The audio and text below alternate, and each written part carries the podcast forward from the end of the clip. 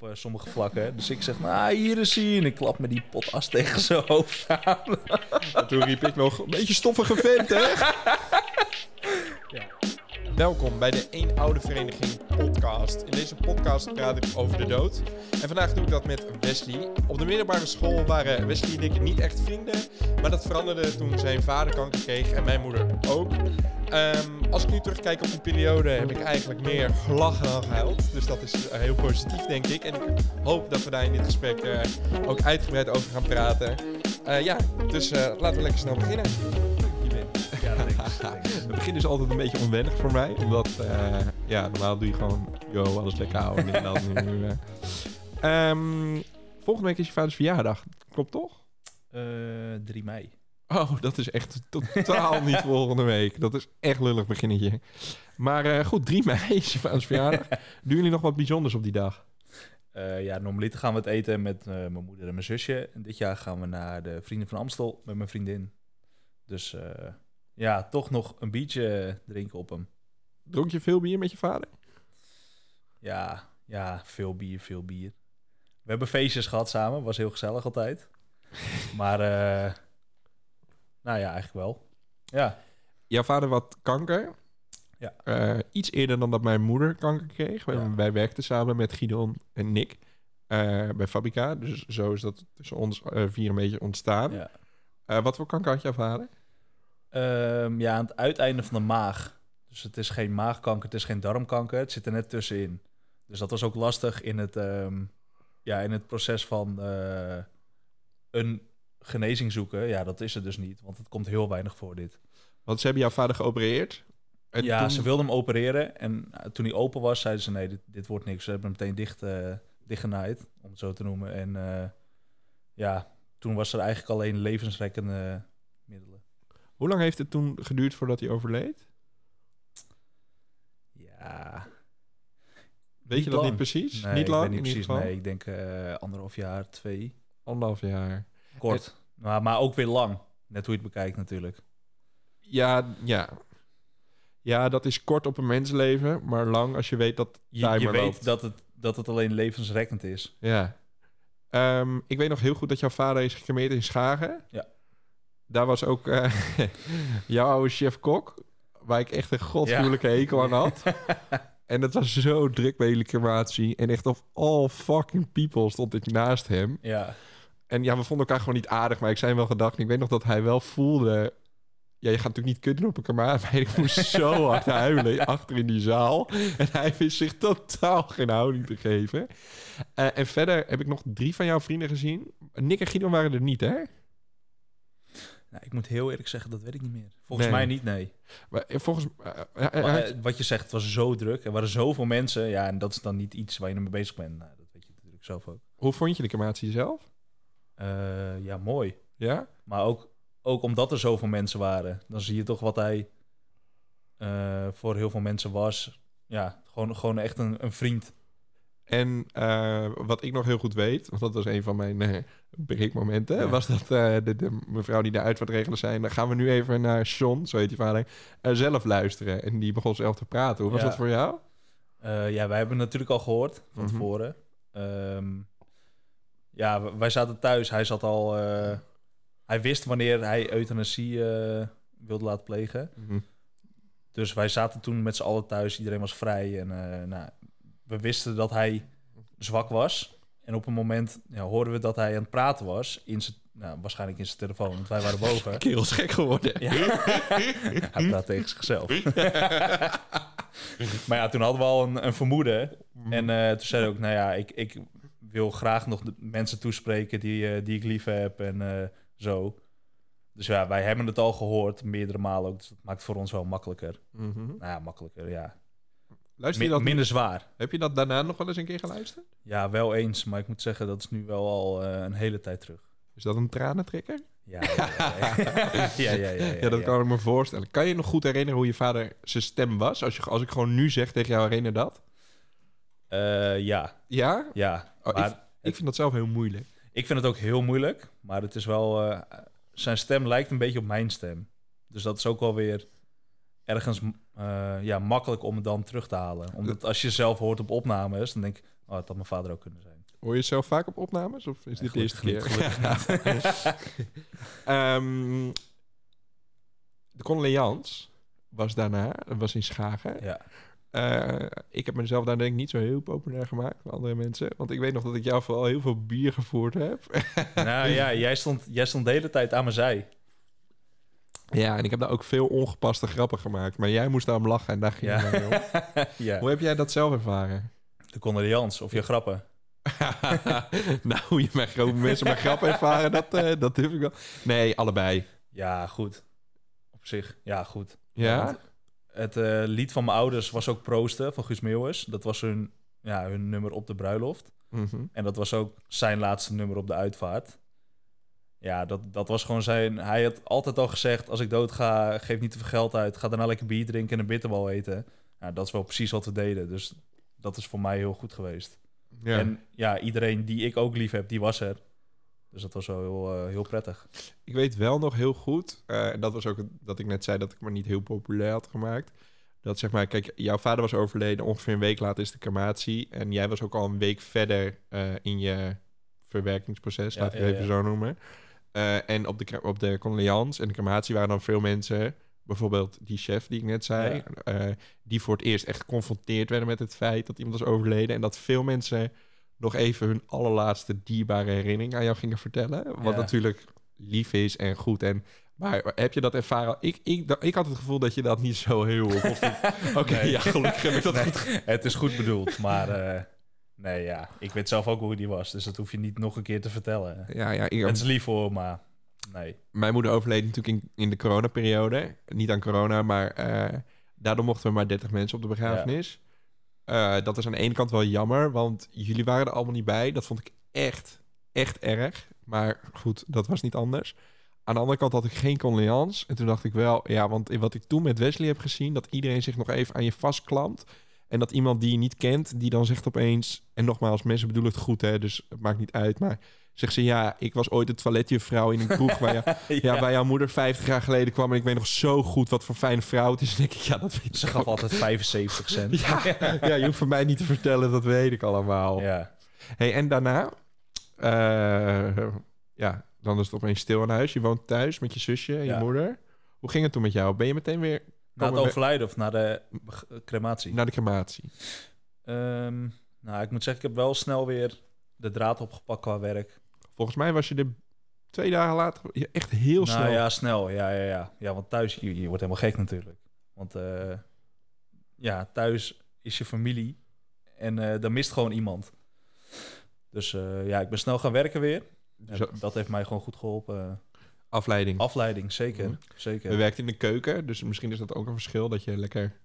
Ja. Ja, de keuken is weinig tijd om na te denken. ja. ja, je bent lekker bezig. Simpele dingen worden leuk op dat moment. Ja, ja.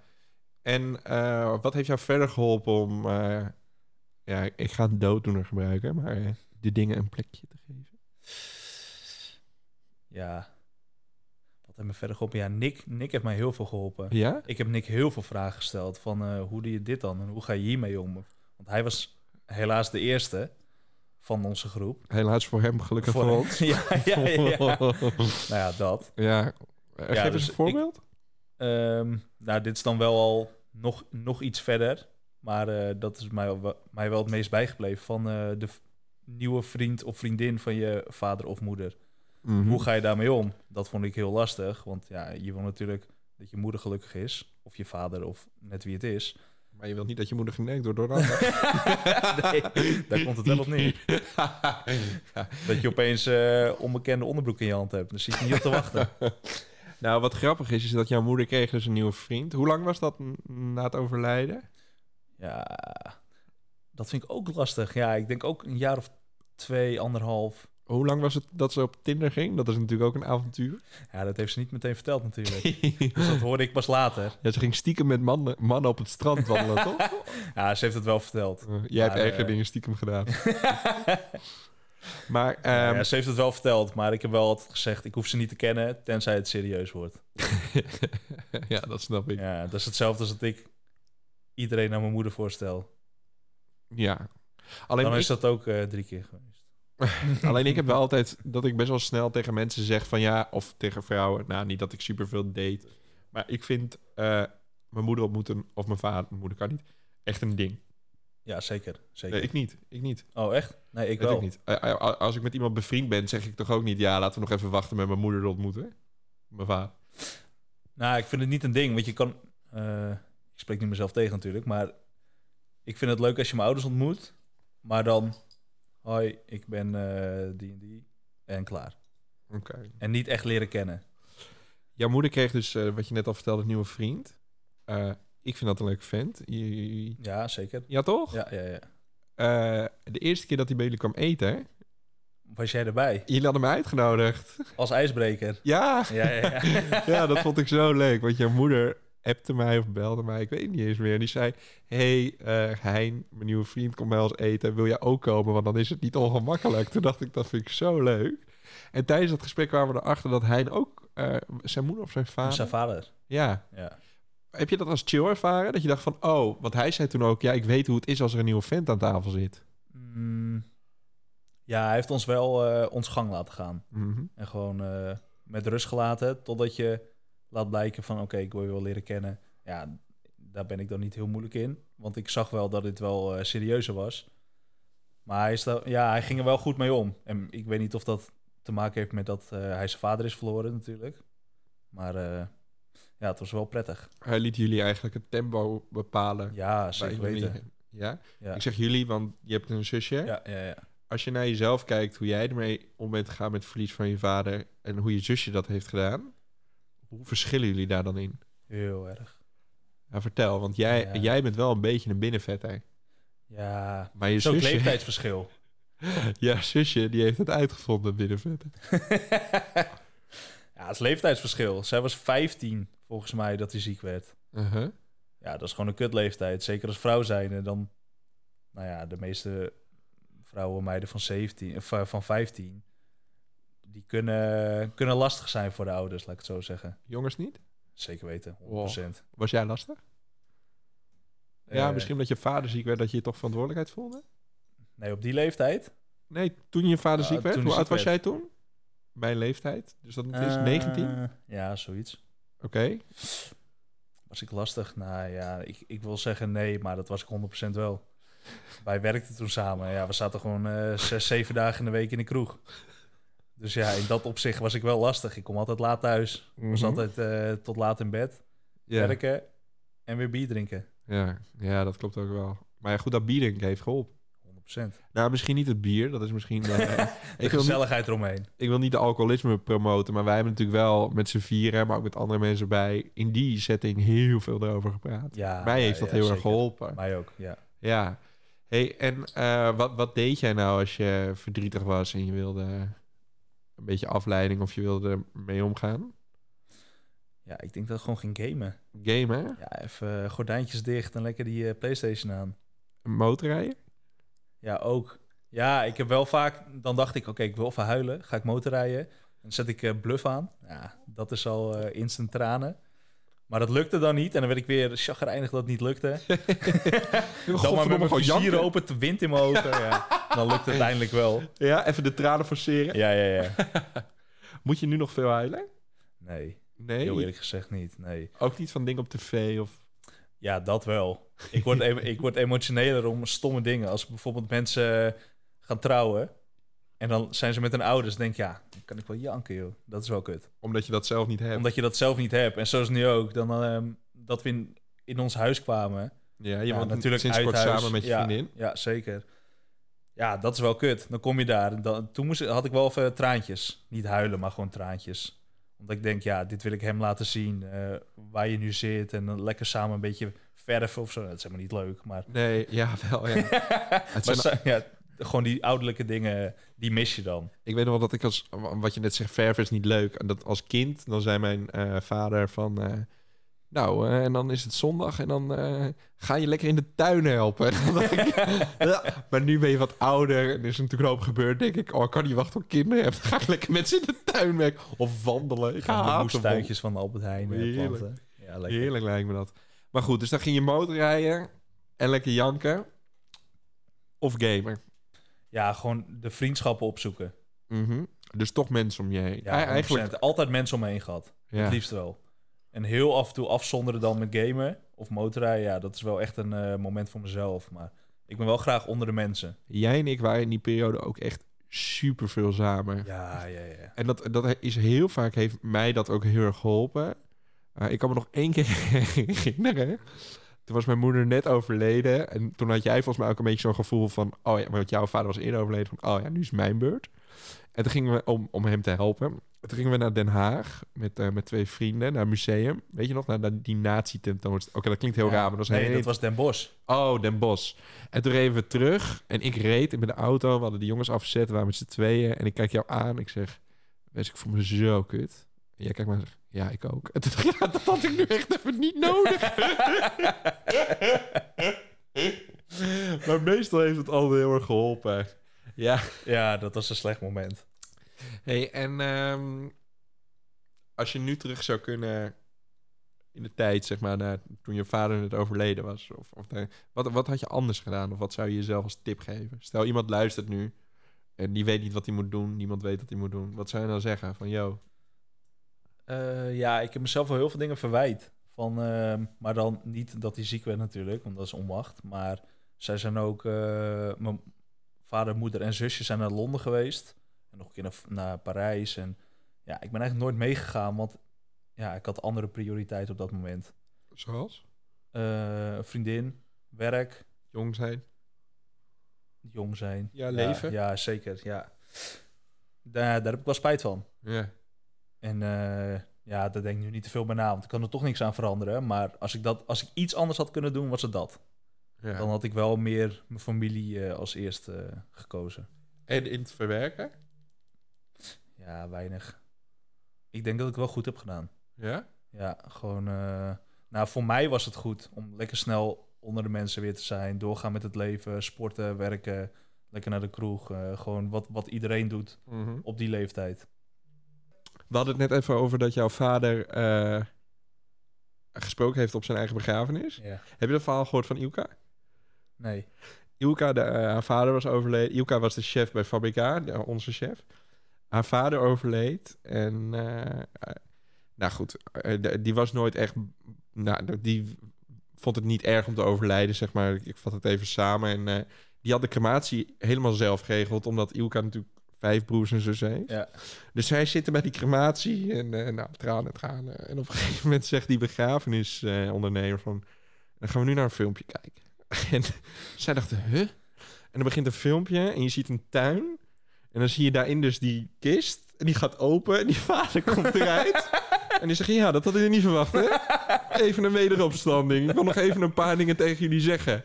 En dan toen ging hij dus allemaal ja, dingen vertellen tegen die kinderen van... hey, en ik hou van jullie. En eh, ik heb misschien dingen verkeerd gedaan en eh neem me dat niet. Het was echt heel, heel, ten eerste heel grappig en het was heel mooi, mooi gedaan. En ik moest daar zo om lachen. Want dan sta je wel echt versteld op de crematie. Ik Ja. weet niet, zou je dat leuk vinden? Eh, nou ja, het is wel een mooi moment van... eh even iedereen aan het lachen brengen. Maar als iets onverwachts gebeurt, dat is wel... eh, Ja, ja, dit is ook wel een minder beladen iets, zo- zo'n filmpje dan. ja, dan wordt het Dus- luchtig. Ja, ja, ja, ja. Dat, dat is wel het dat, fijn. dat maakt het prettiger, voor zover dat kan. Had jouw vader ehm, zijn crematie zelf geregeld? Of hebben jullie... Eh, ja, ik denk eh 95% Oké. Er waren natuurlijk nog een aantal dingen die dan wel geregeld moesten worden. En eh, er was te weinig muziek gekozen. Dus wij moesten een paar nummers nog invullen voor hem. Ah, dat had hij denk ik expres gedaan, toch? Nou, dat weet ik niet. Nee, Hoeveel ja, nummers nee. had hij gekozen? Ja, ik denk vijf van de acht of zo. Dus het was wel Oh. echt bijna helemaal af. Oh, acht nummers is veel, man. Volgens mij is vier de standaard. Nee. Jullie En hebben het is ook opgenomen. Ik heb Ja. het nog nooit teruggezien. Nee, Maar dat wil ik ook niet. Dus ik weet ook niet meer hoeveel nummers... Er, het, het is een soort zwarte vlek in mijn hoofd. Nou, jouw vader heeft één ding echt voor mij verziekt. Want ik stond dus daar achteraan. Purple Rain. Ja, Ja. ja Purple Rain van Prince. Dat Ja. is mijn vaders nummer, niet die van jou. Ja, en nu altijd als ik die luister... En ik luister de versie op YouTube. Want die is beter. Want dan, dan eh, zegt Prince... This is a song the girls in the band wrote. En I dedicated to my father. Ja, ja, ja. Altijd aan je pa denken. Ja. schiet een traan in mijn oogjes. Ik heb hem één keer geluisterd sindsdien. Ja, Dus ja, ik eh, klik hem altijd weg. Maar dat komt ook door dit, ja. Luister je veel muziek waar je vader naar luistert? Of vind je dat lastig? Ehm, ja, semi. Zoals wat ik eerder zei, Bluff ook. Mhm. Ja, dat, hij was heel erg fan van Bluff. En ik ook. Ja, dat vind, kan ik lastig vinden. Maar dat ligt ook aan de setting. En dat is Raccoon. Ja, Raccoon, dat was wel echt eh, een band van onze familie. Gingen we in de auto lekker naar Zuid-Frankrijk en er stond Raccoon aan. En dan weet je precies ook, oké, dit nummer gaat dan ongeveer aan als we daar rijden. bij wijze van spreken. En eh, ik ben laatst met mijn vriendin erheen geweest. Ja, toen heb ik wel even een traantje gelaten. Naar Raccoon. En dan doen ze net dat nummer voor de pauze. Dat iedereen je met rode ogen ziet lopen. Ja, echt bedankt. dan moet je en huilen en haasten naar het toilet. Nou, naar de bar. Oh, naar de bar. Ja. ja. Ik dacht dat je daar sowieso al stond. Eh, ja, ik zat wel bij de deur. Hey, ehm, in de aflevering met Julia heb ik ook even met haar gepraat over dat zij een tattoo wilde van haar vader. Ja. Eh, en daar hebben we erg om gelachen, want uh, nou, maakt niet uit. Ze wilde een erg generieke tattoo. Ehm, jij hebt een tattoo op je been, toch? Ja. Of heb jij meerdere tattoos Ja, ik van je pa? Ik denk dat bijna alle tattoos over, over of voor mijn vader zijn. Oké, leg dan eens die eh, gorilla uit die ook een chef is op je been. Die gaat niet over. Oh, Oké, heel toevallig. Precies de eerste die ik opnoem. Nee, wij hebben één tattoo samen, lotgenoot. Dat was toen, was jouw vader al overleden, mijn moeder was nog ziek. We hebben er drie We hebben samen. drie samen. Oké, ja, lotgenoot van Ja. het nummer winnaar. Eh, oh ja, we hebben allemaal eh, de ene oude vereniging. Die Ja. Nick, Gideon, ja, die hebben we met z'n vieren. En sombrero. Voor Oh, amigos. sombrero voor mijn amigos, ja. ja. Dat was ook in die periode dat we zoveel, eh, zoveel samen waren. Ja, en jij hebt dat gezinnetje op je been, toch? Ja, ja, ja, ja. Heb je daar wel eens commentaar op gehad? Eh, nee, maar eerder dat mensen denken dat het mijn gezin is. Mijn vrouw en kinderen. Wrijf je dat dan in? Als mensen een aanname doen, dat je zegt, eh, nee. dat is, Nee, het is voor mijn dode vader. ja, nee, nee, nee. We hebben Eh, niet één keer gehad met Tim. Ja, ja. Hoezo heb je dat? Mijn vader Omdat mijn vader dood is. Oh. zei, zei, zei hij niet... Ja, waarom heb je dat? Omdat het uit is met je vriendin zeker, sukkel. Nee, mijn vader is dood, eikel. Oh ja, toen, voelde hij zich, toen wilde hij het weglullen. Zo van, oh. Ja, ik vind het mooi. Ik vind die, eh, die confrontaties met mensen vind ik heel leuk. Of Mhm. nou ja, heel leuk. Ja, ik vind het wel grappig. Hoe vertel... Ik Sorry. had, eh, ja, nee, ik had eh, recent ook eh, iemand die had ik lang niet gezien. En die zegt, eh, ja, je vader eh, was een mooie man, dit en dat. En dan die geef je dan zo'n schouderklopje. Die weet niet zo goed hoe hij ermee om moet gaan. Mhm. En toen ging het een minuut later over een juf die we vroeger hadden. Ik zeg, ja, ja, zij was echt leuk. Ja, die is ook dood. En toen zag je hem kijken. Wat moet ik zeggen? Hij, hij wist geen houding te geven. Dat vind ik, ja, leuk. Voor zover dat kan. Dat uit, een beetje uitlokken. Ik snap dat je dat leuk vindt, omdat het... eh, ik vind dat ook leuk om een beetje die ongemakkelijkheid bij andere ja, ja. mensen die niet zo goed... Maar wat zou je, hoe zouden zij ermee om kunnen gaan dat het jou misschien iets meer helpt? En, eh, of helpt dit? Gewoon dat je denkt, ja, zo grappig dat onkunde van mensen. Eh, ja, nee, vooral dat. ja. nee, ja, onbekende mensen die kunnen mij niet, kunnen, kunnen nou, mij er niet in helpen. Ik wou zeggen, die kunnen je er niet in helpen, maar dat is natuurlijk Voor iedereen verschillend. voor iedereen verschillend, ja. Maar jij hebt daar geen behoefte aan. Nee, nee, zeker niet. Als je nieuwe mensen leert kennen, hoe, hoe eh, vertel je dan dat je vader is overleden? Hoe, Nee, hoe gaat nee, dat? nee. Dat, Nooit? eh, nou ja, het komt wel. Het ligt eraan, want als ik, je, als ik iemand leer kennen, maar die zie ik daarna toch nooit meer, ga ik niet zeggen, ha, ik ben Wesley, mijn vader is dood. Nee, dat snap ik. Maar eh, ja, als ik je langer, als ik je langer ken, ja, op een gegeven moment komt het toch wel aan de orde. Nou wil ik dus nu eigenlijk zit ik, heb ik een anekdote in mijn hoofd waar ik naartoe wil. Want Mark Zomers, die kende jij wel al een tijdje. nee, ook niet. Oh, ook pas kort. Ja, dat was wel. eh, Ja, oh ja, ik ken hem wel al. eh effies. Nou, nee, ja. trouwens helemaal niet. Een paar maanden. een Nou, paar hij- maanden. sowieso kenden we, kenden we hem al heel lang. Maar jullie waren in best wel korte tijd best wel goed bevriend Ja, geraakt. ja, ja. ja. En toen was hij op jouw verjaardag. ja. En toen, hij stond met je moeder te jansen. Ja, hij stond een beetje met moeder te chansen te dansen. En eh, ik vond het heel gezellig. Hij zegt, ja, maar waar is, eh, waar is je vader dan? Maar ik denk wel, het is eh, een uur of drie. Je bent al sinds zes uur aan het bier drinken. Dus ja, ik ken geen grenzen meer dan. op eh, sommige vlakken. Dus ik zeg, nou, hier is hij. En ik klap me die pot as tegen zijn hoofd aan. En toen riep ik nog, een beetje stoffige vent, hè? ja, hij wist er geen houding tegen. Hij vond het niet heel grappig, En dat, denk ik. Maar ik heb hem nooit meer over gesproken. Hij heeft er nooit iets over gezegd ook. en dat vind jij dan weer leuk. Ja, dat, dat hij zich geen houding weet. Ja, ja, ja, ja. ja, dat snap ik wel. Dat snap ik wel. Maar mijn moeder vond het ook leuk. We hebben in ons broek gepist van het lachen bijna. Tranen over de wangen. dus, die Nog gaat, steeds, als we het erover hebben. dus die gaat er eigenlijk ook wel een beetje hetzelfde als jij met. Omdat je kan ook de humor van inzien. Ja, ja, ja, zeker. Ja, ja, ja. Heeft je moeder het la- heel lastig gehad na het overlijden van je vader? Ja, ja. Ja? Ja, die heeft wel lastig gehad. Maar ook door de reacties van eh, bekenden die ze dan tegenkomt in de supermarkt. Hé, hey, ja, hoe gaat het? En dan een beetje eromheen praten. Mhm. Dan denkt ze, ja, eh, zeg gewoon, eh, hij is doodkut voor je. Weet je, zeg, gewoon wat, zeg gewoon wat het is. En draai er niet omheen. En dat vindt ze, dat vindt ze ook heel lastig. Eigenlijk, eigenlijk is het stom, want, want al die mensen bedoelen het waarschijnlijk goed. Want Ja, ja, ze bedoelen het goed, maar ze weet gewoon geen houding aan te nemen. nee, wat je ook vaker hoort eh, in, in de podcastaflevering is dat eh, mensen eh, zeg maar bang zijn om erover te beginnen. Omdat ze dan denken van, oh ja, ik zie je nu in de supermarkt. Je voelt je vrolijk of neutraal. En als ik dan Ik nu wil zeg... niet verpesten of zo. Precies dat. Terwijl eigenlijk denk ik dat mensen kunnen gewoon beter zeggen... Wow, dat is echt fucked op. Ik weet eigenlijk niet zo goed hoe ik daarmee om moet gaan. Ik, ja, nee, ik ook niet. Maar dan hebben we Nee, dat ja. in ieder geval gemeen. ja, ja. Toch? Dat denk ik. ja, je kan beter zeggen, inderdaad. Ik weet nog dat op de rouwkaart van jouw vader stond dat hij geen bloemen wilde. Waarom was dat? Ehm, nee, ja, mijn vader had liever ehm, dat mijn moeder bloemen kreeg. Mhm. Dus hij wilde dan, nou, als iemand bloemen deed, doe dan één bloem. En dan geef dat geld liever uit aan een bos voor mijn moeder dan eh, voor op de kist wat toch verbrand wordt. Ik had geen bloemen mee hoor. Nee, eh, je hebt, ja, je hebt daarna gegeven. Elke keer als ik naar je moeder Ja, ga, neem ja, ik ja. bloemen mee. En elke keer zeg je moeder, is je moeder ook super blij mee. Dat vind Ja, en zo elke keer hoor ik dat een hele week. Ja, Dat heerlijk. vind ik zo lief. Was Quincy maar mijn zoon. Kom hij maar pasta eten, Oh, wat of mijn is. partner. nou, ik vond dat wel mooi, want wat je denk Ja. ik vaak ziet is dat, eh, wat je net ook zei, jij ging vrij vlot aan het werk. Thuis heert zo'n grafsfeer. Eh, toch? Ja. En dan eh, ja, Ja, ja, van ja. allemaal mensen die langskomen. Maar dat is ook alleen de eerste twee weken. Ehm, nou, ik moet zeggen, het was best wel lang bij ons. Maar het was, ja, ik denk dat er eh, een week of tien dagen tussen zaten van, oké, we gaan nu echt afscheid nemen tot de euthanasie.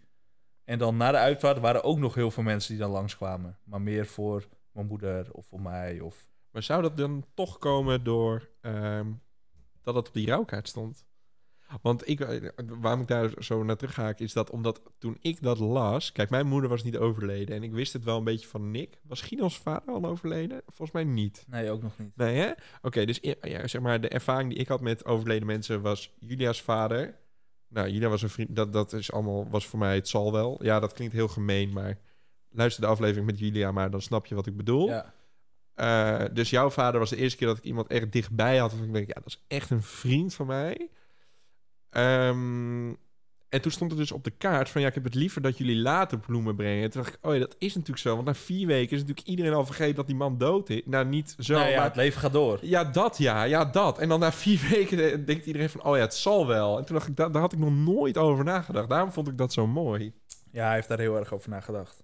Hij zat er heel erg mee dat hij gewoon een gezin achterliet. En een vrouw waar hij eh, al weet ik voor hoeveel jaar mee was.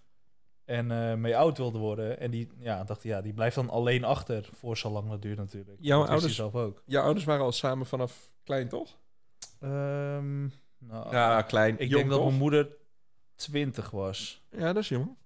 Ja, Dat is alsof jij nu al... eh, nou, dat vijf jaar een relatie heb. Maar jij hebt natuurlijk ook al je lijfpartner ontmoet. Ja, ja, ja, ja. ja. Destijds had je een eh, vriendin. Ja. Ehm, he- eh, hoe ging dat? Ehm, Was het lastig om, eh, zeg maar, de gevoelens die je had en dan ook nog een relatie? Had zij er begrip voor? Of, eh, ja, het was lastig. Het was wel lastig. mhm. Ehm, ja, het was lastig, want ik wil niet zeggen ze was onbegripvol, maar het is een, natuurlijk een setting waar ja, bijna niemand in zit, of bijna niemand waar je liever niet in zit en eh, weinig mensen die je kent die, die zaten erin, gelukkig, waaronder zij. Dus ehm, ja, er was wel begrip, maar ook ja, zeg je dat? Een soort, eh, ze, ze wist niet zo goed hoe ze ermee om moest gaan. Sebasti eh, Sebastian, die zei altijd... Ik, ik, ik snap het wel, ik kan me er iets van bij voorstellen. Maar ik begrijp het niet. Nee, dat is het. Ja, hè? Je snapt het, maar je begrijpt het niet. Ja, En dat zorgde voor spanningen. ja, ja zeker. Zeker. Eh, ook omdat ik... Ik veranderde ook als mens zijnde. Want ik werd ook... Ik werd stiller, ik werd wat meer introvert. En ja, je, je verandert. En daar kon zij ook moeilijk mee omgaan. Wat, ja, dat verwijt ik er ook niet. Want het is ook lastig. mhm. ja, het hoeft ook niet... eh, het was ook niet mijn bedoeling om haar de schuld te Nee, nee, geven. nee, nee, nee. Maar Ehm, ja, het is gewoon... Het is lastig als partner zijn om hiermee om te gaan ook. Ja. Nu heeft toevallig de, eh, de, de, de- mijn vriendin, haar vader heeft kanker. Ja. Eh, en toen ik dat hoorde, toen dacht ik eigenlijk twee dingen. Eh, Oké, dit is mijn moment to step up, zeg maar. En om mijn best haar te doen. En het tweede was, dacht ik, ik heb geen idee wat ze wil. Terwijl dat is Ja. zo dom, want toen mijn moeder ziek was, had ik ook een vriendin. Toen dacht ik, maar jij weet toch precies wat ik wil? Je kent mij Ja, toch? ja. En nu heb ik het zelf. Dus dat blijft denk ik voor iedereen lastig. En dat 100%. kan je iemand ook niet kwalijk nemen. Nu heb je een andere vriendin. Ja. Ehm, hoe, hoe ervaart zij het dat, dat jij jouw vader is over... Zij heeft jouw vader niet gekend. Nee.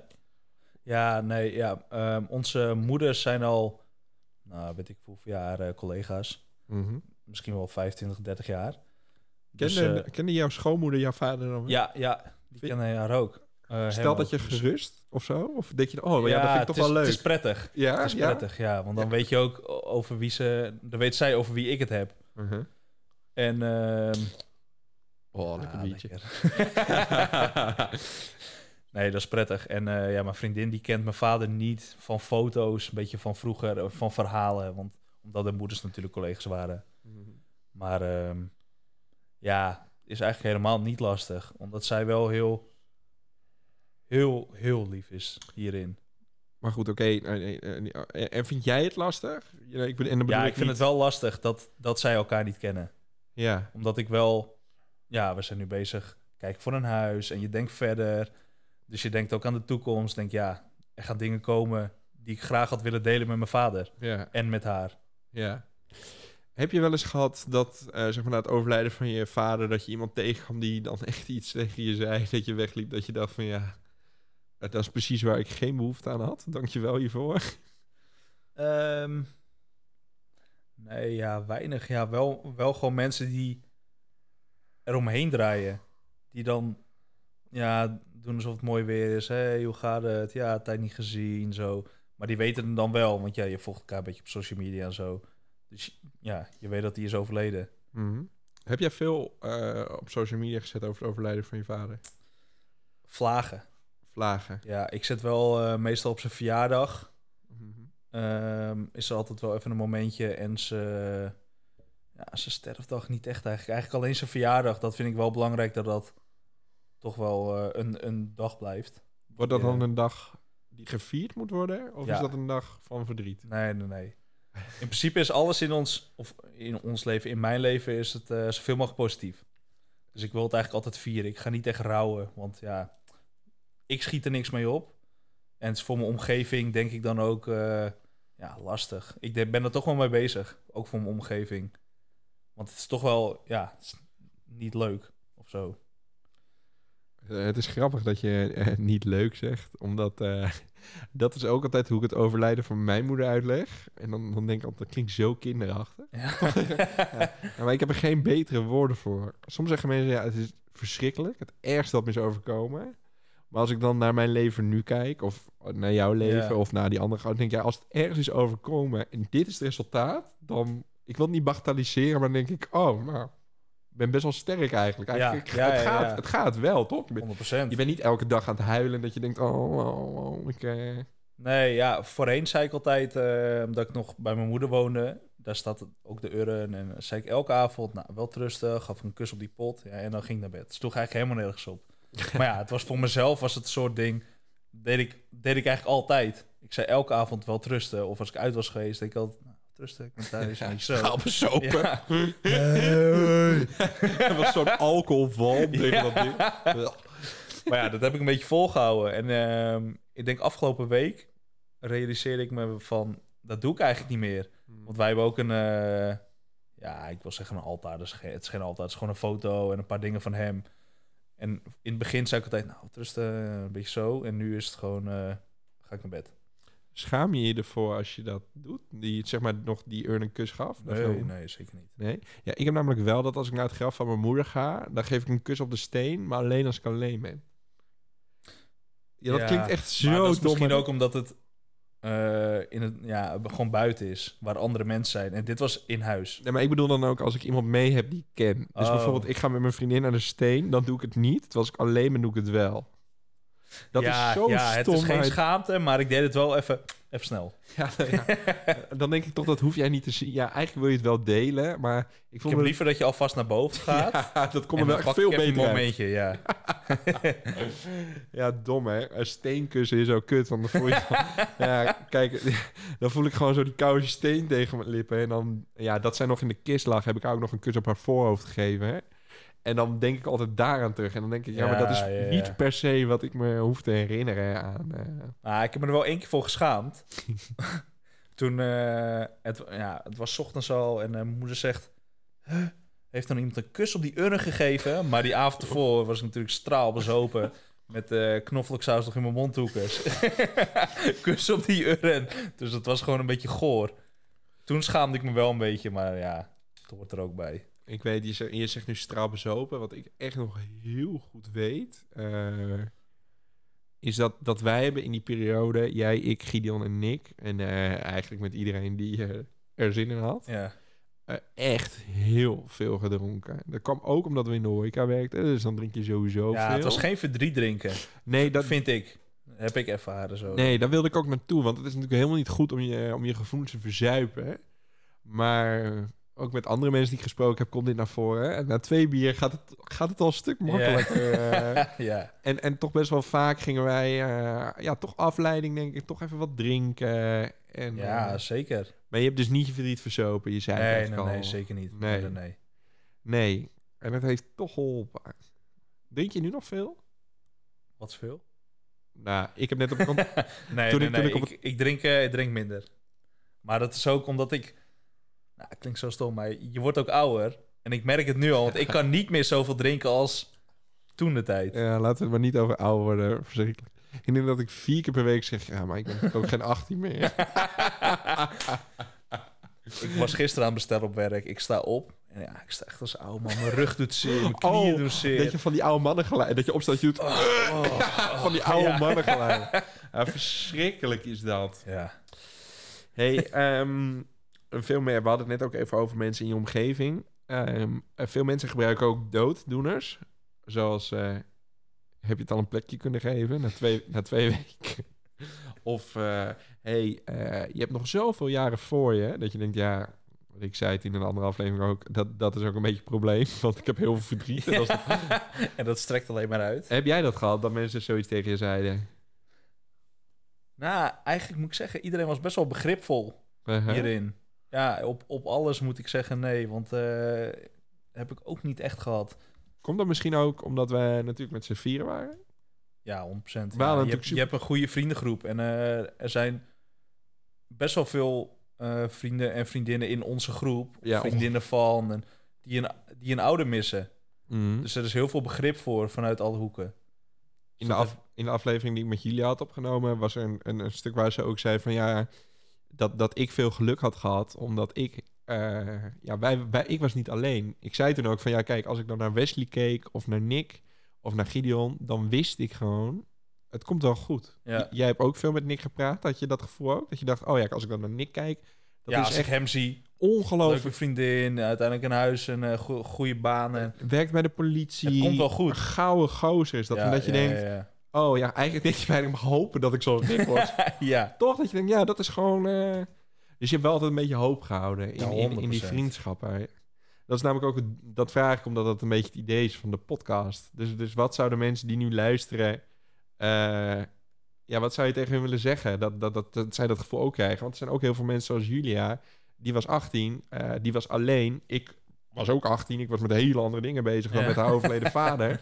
Ja, achteraf vond ik het gemeen. Maar, maar wat zou je nu tegen zo iemand zeggen van... Ja, Stel je ouder overlijdt, bedoel je? Ja, ja, als je nu... Of, of het hoeft niet een ouder te zijn. Het mag ook een Of- broer ja, of een wat dan ook. een- Iemand die... Een, eh, een naaste.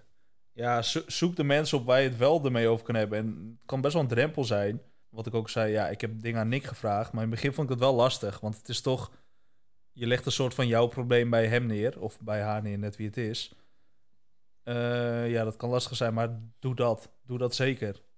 toen mijn moeder overleed en ik eh, vroeg dingen aan jou, dus je zei net, je legt het probleem bij mij neer. Voelde dat voor jou zoals of ik mijn probleem bij jou neerlegde? Eh, nee, maar dat is dan... Denk ik, dat heb ik zo ervaren. Voor mij voelde het alsof ik mijn problemen bij iemand anders neerlegde. Omdat ik anderen niet mee wil belasten. Ja. denk ik, ja, het is, het is in principe mijn probleem. Dus wat heb jij ermee te maken? Een beetje zo. Ik had dus precies hetzelfde eigenlijk. En toen heb ik bij therapie geleerd. Eh, dus dat is misschien de truc die ik aan de luisteraar wil geven. Doe nou eens alsof de situatie waar je in zit, de gevoelens die je hebt dan ook, alsof jou dat niet is overkomen, maar jouw beste vriend. Ja, Die zou op een dag tegen jou zeggen van ja, ja, ik voel me eigenlijk alle dagen kut, maar ik durf niet tegen je te zeggen. En dan denk je toch, godverdomme, je kan toch alles tegen mij zeggen? Ja, dat is ja, toch niet erg, jongen? Kom nou met je probleem, maakt er niet uit. Maar toch trap je zelf in die val. ja, zeker. Maar ik ben ook wel een, eh, een pleaser, om het zo te noemen. Want ik vind het fijn als andere mensen het goed hebben en het leuk hebben. En dan zet ik mezelf op de tweede plek. Maar ik heb wel geleerd dat je jezelf vaker op de eerste plek moet zetten. Veel vaker dan je eigenlijk denkt. Toen je vader overleed, vond je dat toen erg voor jezelf? Of dacht je van, nou, eigenlijk is het voor andere mensen veel erger? Nee, eh, voor anderen. ja? Ja, ik vond het zelf natuurlijk kut. Maar ik dacht, ja, mijn moeder die blijft nu alleen. Eh, die, die heeft mij en mijn zusje. Mijn zus is nog jong, die gaat nog naar school. En eh, ja, ik was wel wat zelfstandiger. Maar dat vind ik dan eerder kut voor hun dan voor mezelf. Ik had, ik had echt exact hetzelfde. En dan vroegen mensen aan mij, eh, dan hadden ze eindelijk al het lef bij elkaar gespaard en bier gedronken om tegen mij te zeggen, hey, is wel echt erg voor je, hè, man. En toen zei ik, nou, weet je voor wie het erg is? Voor de moeder van mijn moeder, want die heeft haar kind begraven. Ja, ja, ja. ja, Toen zei ik, ja. ja, en, en voor mijn vader, hè. Ze zijn hun hele leven samen geweest. Die moet nu in elke avond in zijn eentje naar bed. Ik zeg voor mijn zusje, weet je wel, dat is een meisje. Hè, jongvolwassen vrouw. Ja, soms wil je gewoon iets aan je moeder. Echt, ik had mezelf zo op de laatste plek. Ja, En ik denk ook dat jouw tip daarom wel goed is. Probeer jezelf op de eerste plek te zetten. En eh, ik denk dat dat de les is eh, die mensen moeten leren. 100%. Bes, ik vond het super leuk dat je hier was. Ja, thanks. En eh, ja, ik denk dat wij nu nog even een zootje bier gaan drinken. ik, Ik heb nog één laatste vraag. Ja. Als je nu nog wel eens op de motor zit, Ja, zit je dan nog wel eens bluff aan om te huilen? ja zoute landen. Heerlijk, dankjewel Wesley. Dit was de 1 Oude Vereniging podcast van deze week. Mijn gast was Wesley. En Wesley, heel erg bedankt dat je er was. Volgende week zaterdag zijn we er weer met een nieuwe aflevering op Spotify, Apple Music en Google Podcast. Volg ons in de tussentijd op Instagram, 1 Oude Vereniging. En we zouden het super leuk vinden als jullie contact met ons opnemen voor feedback of als je je eigen verhaal wil vertellen. Tot volgende week.